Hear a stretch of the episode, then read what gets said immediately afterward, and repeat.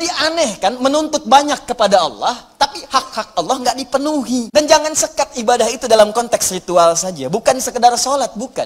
Nah, karena itu tolong jangan sampai dunianya banyak, akhiratnya nestapa nanti. Jangan sampai dunianya kaya, akhiratnya fakir.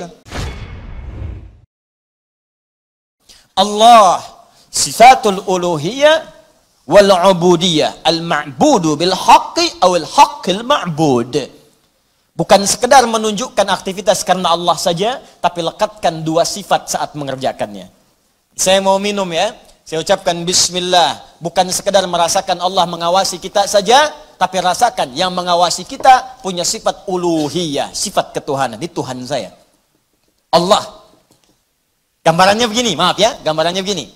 Pimpinan saja, pimpinan di kampus, rektor, mengawasi ujian Anda, Anda serius Pimpinan di kantor, mudir, direktur utama mengawasi Anda, Anda begitu serius. Pengawas saat Anda bekerja, maaf, di sekolah, di SD, di SMP, di SMA ada pengawas, maka semua guru-guru serius. Semua serius. Sekarang yang mengawasi kita bukan makhluk lagi, pencipta rektor, pencipta direktur, pencipta kemudian pengawas, pencipta semuanya. Jauh di atas mereka semua. Maka orang-orang yang merasakan langsung Allah, Tuhan yang mengawasi saya, maka setidaknya keseriusan itu lebih bertambah daripada sebelumnya.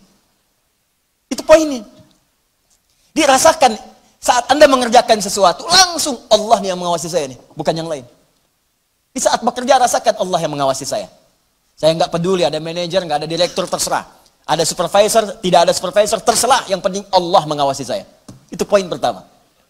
Awas, awas, ini perkaranya ringan nih. ya Kelihatannya sedikit kecil, ringan. Tapi dampaknya besar si Allah subhanahu wa ta'ala. Jika benar kita mengerjakannya dengan menuhankan Allah dan merasakan merasakan pengawasan Allah Subhanahu wa taala, maka nanti lihat dua terakhir di bagian penutup ayat tadi. Yang kedua, sifat ubudiyah. Ini yang sering gagal di sini. Haqqul ma'bud wal ma'budu bil haqq. Yang berhak untuk disembah dan yang disembah dengan yang sebenar-benarnya. Saya jelaskan di pertemuan yang lalu. Ya, siapa dia? Allah. Sifat dari nama Allah yang kedua adalah sifat yang menjadikan semua aktivitas kita niatkan sebagai ibadah karena Allah yang dipertuhankan tadi. Jadi kalau mau minum, bukan sekedar minum. Niatkan karena Allah sebagai ibadah. Kalau mau makan, niatkan karena Allah sebagai ibadah. Mau berpakaian, niatkan karena Allah sebagai ibadah. Makanya orang-orang yang berpakaian yang niatnya ibadah, nggak akan cari pakaian yang ngebuka aurat. Katanya karena Allah, tapi pakaiannya aurat terbuka. Coba akhwat deh yang di bawah. Bu, ya. Coba ada ibu lihat. Bismillahirrahmanirrahim. Pakai pakainya memang bismillah, tapi rambutnya tersingkap. Jilbabnya nggak dikenakan gitu. Lalu di mana Allah pada saat mengucapkan bismillah itu? Kok bisa ke masjid pakai mukena ditutup, keluar dari situ pakai rok lagi? Ustadz lihat, tidak. Cuman ya gimana gitu. Ya. Kebayang nggak? Pernah menemukan yang seperti itu? Tuh. Ya kok bisa gitu kan? Di luar pakai rok, begitu masuk masjid kemudian ditutup semuanya. Kenapa pak? Ibu kenapa ditutup? Mau sholat pak? Terus kalau sholat ditutup, iya. Kenapa? Kan menghadap Allah. Lalu Allah itu cuma ada di masjid. Allah cuma ada di musola. Dan fa'in Allah. Sholat itu kan melatih kita untuk merasa dekat dengan Allah. Makanya disebut sholat. Coba lihat sini. Fokus. Kelihatan nggak? Enggak. Nih, sholat. As-salat. Begini. Lihat baik-baik ya, fokus dikit saya terangkan agak panjang. Ini asal katanya, kalau kita gali ke dasar-dasar yang paling awalnya, ini nanti dari kata silatun, as-silah. Kata kerjanya dari wasala, yasilu silatan, wasalatan. Sesuatu yang tersambung erat, sulit dipisahkan. Silah, sesuatu yang tersambung erat, sulit dipisahkan. Pernah dengar kata ini silaturahim? Ya, kami kumpul-kumpul saat ini untuk mengeratkan silaturahim. Silah itu sudah erat. Ya, Silaturahim hubungan kasih sayang yang erat. Saking eratnya, jangankan saat kumpul, saat bubar pun masih tersambung hubungan itu. Di mana cirinya? Maaf, kesuksesan silaturahim itu bukan saat kumpul saling sapa, bukan. Kalau kumpul menyapa, wajar orangnya ada. Kalau kumpul tertawa, wajar orangnya pun ada. Silaturahim itu kalau ingin dilihat suksesnya saat pulang, apakah dia masih mendoakan Anda? Apakah masih mengingatkan Anda dalam kebaikan? Akhi besok taklim ya. Akhi malam tahajud ya. Kemudian Anda doakan tanpa sepengetahuan dia. Ya Allah sayangi sahabat saya. Ya Allah kekalkan hubungan kami sampai dengan ke surga. Ya Allah jaga keluarga dia dalam kebaikan. Ya Allah sehatkan semua anggota keluarganya. Ya Allah jadikan kami bersaudara keluarga kami dengan keluarga dia. Itulah silaturahim. Sila hubungan yang erat yang tak terputuskan dan tidak tersekat oleh tempat dan keadaan serta waktu. Itu sila. Nah kalau kita ingin menjadikan latihan supaya kita terhubung dengan Allah, kapan pun, di mana pun tanpa disekat oleh tempat dan waktu, maka latihannya untuk mendekat kepada Allah disebut dengan sholat namanya. Di sholat ini cara kita terhubung dengan Allah.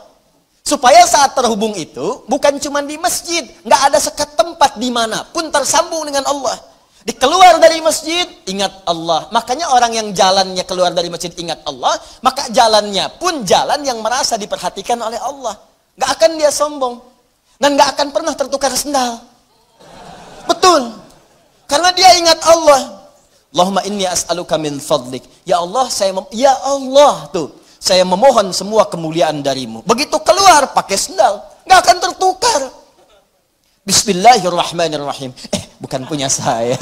Mirip. Ya Allah, maaf. Pakai lagi. Jelas ya? Nah, itu itu namanya. Karena itu orang mengatakan as-salah itu doa. Ad-doa. As-salatu ya doa. Pengertian fikih. Salat itu doa. Karena semua awal sampai akhirnya dalam salat kita baca doa.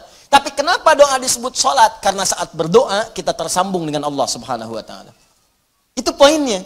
Makanya setiap orang berdoa itu nyambung dia dengan Allah. Ya Allah, ya Allah, ya Allah nyambung. Karena itu di fikih disebut as-salat ya doa. Tapi asal maknanya sesuatu yang terhubung dengan Allah, hubungan yang sangat erat, tak terpisahkan waktu dan tempat.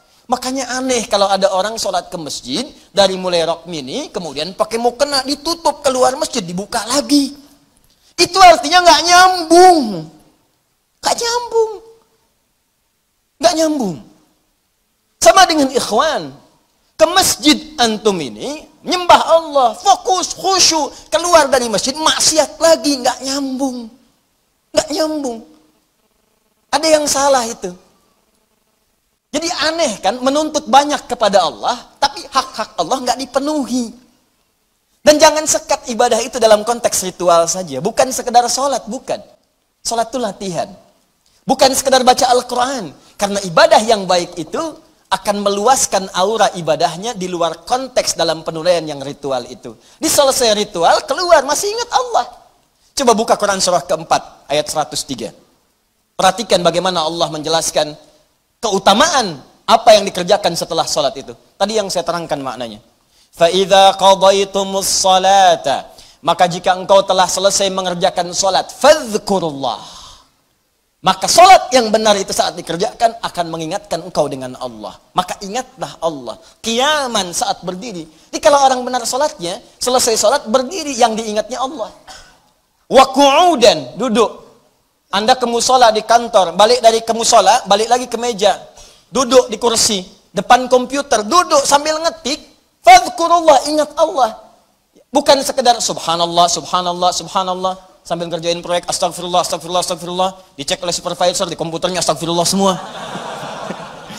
Bukan itu. Bukan itu maksudnya. Maksudnya ketika Anda kerjakan itu, Anda ingat Allah, maka nggak ada nol yang bertambah. Tidak ada angka yang berubah, sesuai semuanya. Kenapa? Karena merasa diawasi oleh Allah subhanahu wa ta'ala. Tuh, dua poin itu hadir nggak dalam kehidupan kita? Apakah selama ini berpakaiannya karena Allah? Maka pakaian ini nggak akan dicari dari sesuatu yang haram. Dan pakaian ini akan digunakan pada yang baik-baik. Makanya pakaian yang diperoleh dari harta yang baik akan keluar perbuatan baik dari itu. Harta benda yang dihasilkan dari proses yang halal semuanya akan berkah. Coba lihat tuh, saya kan sering katakan, Itu sendal Anda berapa kali dipakai ibadah? Berapa kali dipakai untuk ke masjid? Sepeda Anda, motor Anda, mobil Anda. Di rumah ada nggak satu ruangan yang belum pernah dipakai ibadah? Ada nggak? Coba cek, cari ya satu ruangan di rumah yang di situ nggak pernah dipakai ibadah. Cari.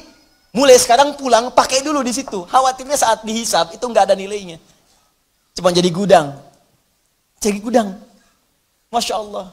Koper ditaruh di situ, kopernya pernah umroh, tapi nggak pernah dipakai ibadah di situ. Ya, ini ini sederhana teman-teman sekalian, tapi ini syarat mutlak untuk mendapatkan apa yang tadi kita inginkan. Al-Fatihah, Al-Fatihah, ba, ba-nya disertai dengan sifat uluhiyah dan sifat ubudiyah. Kalau benar semua itu dikerjakan, maka ditutup dengan kalimat Ar-Rahmanir Rahim. Makanya Ar-Rahmanir Rahim harakatnya kasrah ikut kepada Allahnya, sifatnya. Silahkan cek. Bismillahirrahmanirrahim. Gak ada A. Gak ada U. I, I. Silahkan lihat. Bismillahirrahmanirrahim. Ada? Hah? Ar-Rahman itu na'at. Awas. Na'at kepada sifat sebelumnya man'ut Allah. Di ilmu nahu, sifat mausuf, na, sifat mausuf, na'at man'ut. Siapa yang disifati? Allah. Siapa yang diman'uti? Allah. Di na'atnya Ar-Rahman. Sifatnya Ar-Rahman, mausufnya Allah. Dan sifat mausuf nggak terpisahkan. Paham? Tidak. Nggak bisa dipisahkan. Yang disifati dengan sifatnya. Yang disifati itu Allah. Sifatnya Ar-Rahman. Plus Ar-Rahim. Sifat dengan yang disifati nggak bisa dipisahkan. Sifat Ar-Rahman nggak terpisahkan dengan Allah. Jadi kalau ingin mendapatkan sifat Rahman, maka amalkan sifat dalam hal dalam lafaz Allah yang tadi disebutkan. Ingin mendapatkan kemuliaan dalam Rahman, maka amalkan dua sifat yang melekat pada kalimat Allah. Uluhiyah, kemudian ubudiyah. Pertuhankan Allah dan lakukan semua pekerjaan sebagai ibadah. Maka semua urusan dunia yang baik-baik, Allah buka. Sifat Allah yang memberikan semua kemuliaan dunia disebut dengan Rahman. Nanti, semua yang kita kerjakan karena ibadah, punya bekal akhirat. Bismillahirrahmanirrahim. Minum. Alhamdulillah. Contoh. Nah, dituliskan ini karena diucapkan bismillahirrahmanirrahim ada kemudahan, berkah, memberikan kekuatan dunia. Tapi poin terbesarnya begitu disebutkan bismillahirrahmanirrahim dituliskan pahala akhiratnya. 10 poin. Maka saat pulang ke akhirat nanti dibukalah semua hasil pekerjaan dunia kita yang jadi ibadah. Sifat Allah yang memberikan kepada kita balasan dari akhir pahala tadi disebut dengan rahim namanya. Makanya semua pekerjaan yang tidak disebutkan nama Allah di dalamnya, maka dia kehilangan poin pahalanya. Sifat rahim tidak akan pernah diberikan pada hamba yang tidak mendulang pahala dalam beraktivitas saat di dunia. Jelas sampai sini? Nah, karena itu tolong jangan sampai dunianya banyak, akhiratnya nestapa nanti. Jangan sampai dunianya kaya, akhiratnya fakir. Coba saya tanya deh di sini. Pilih mana? Kaya dunia, fakir akhirat atau fakir dunia, kaya akhirat? Uh, benar. Benar, cepat. Perwakilan ibu-ibu. Biasanya ibu-ibu lebih cepat. Bu, ada saingan di sini. Ya kaya dunia, kaya akhirat. Rabbana atina fid dunya wa fil akhirati wa qina adzaban nar. Ah itu poinnya. Jadi kerjakan semua karena Allah. Ini kelihatan ringan, tapi kalau diamalkan akan ada perbedaan dalam kualitas kehidupan kita. Sekarang bagian yang pentingnya, ini yang kita sambungkan ke ayat yang kedua. Setelah kita mengerjakan semua karena Allah itu, dan Allah berikan apa yang dijanjikan tadi. Ya Allah, saya ingin mudah bekerja. Bismillahirrahmanirrahim. Ternyata diberikan. Ya Allah, besok saya ingin ujian. Bismillahirrahmanirrahim. Ternyata lulus. Ya Allah, besok saya akan lamaran. Bismillahirrahmanirrahim. Diterima lamarannya. Ya Allah, besok saya akan menikah. Bismillahirrahmanirrahim. Lancar akadnya.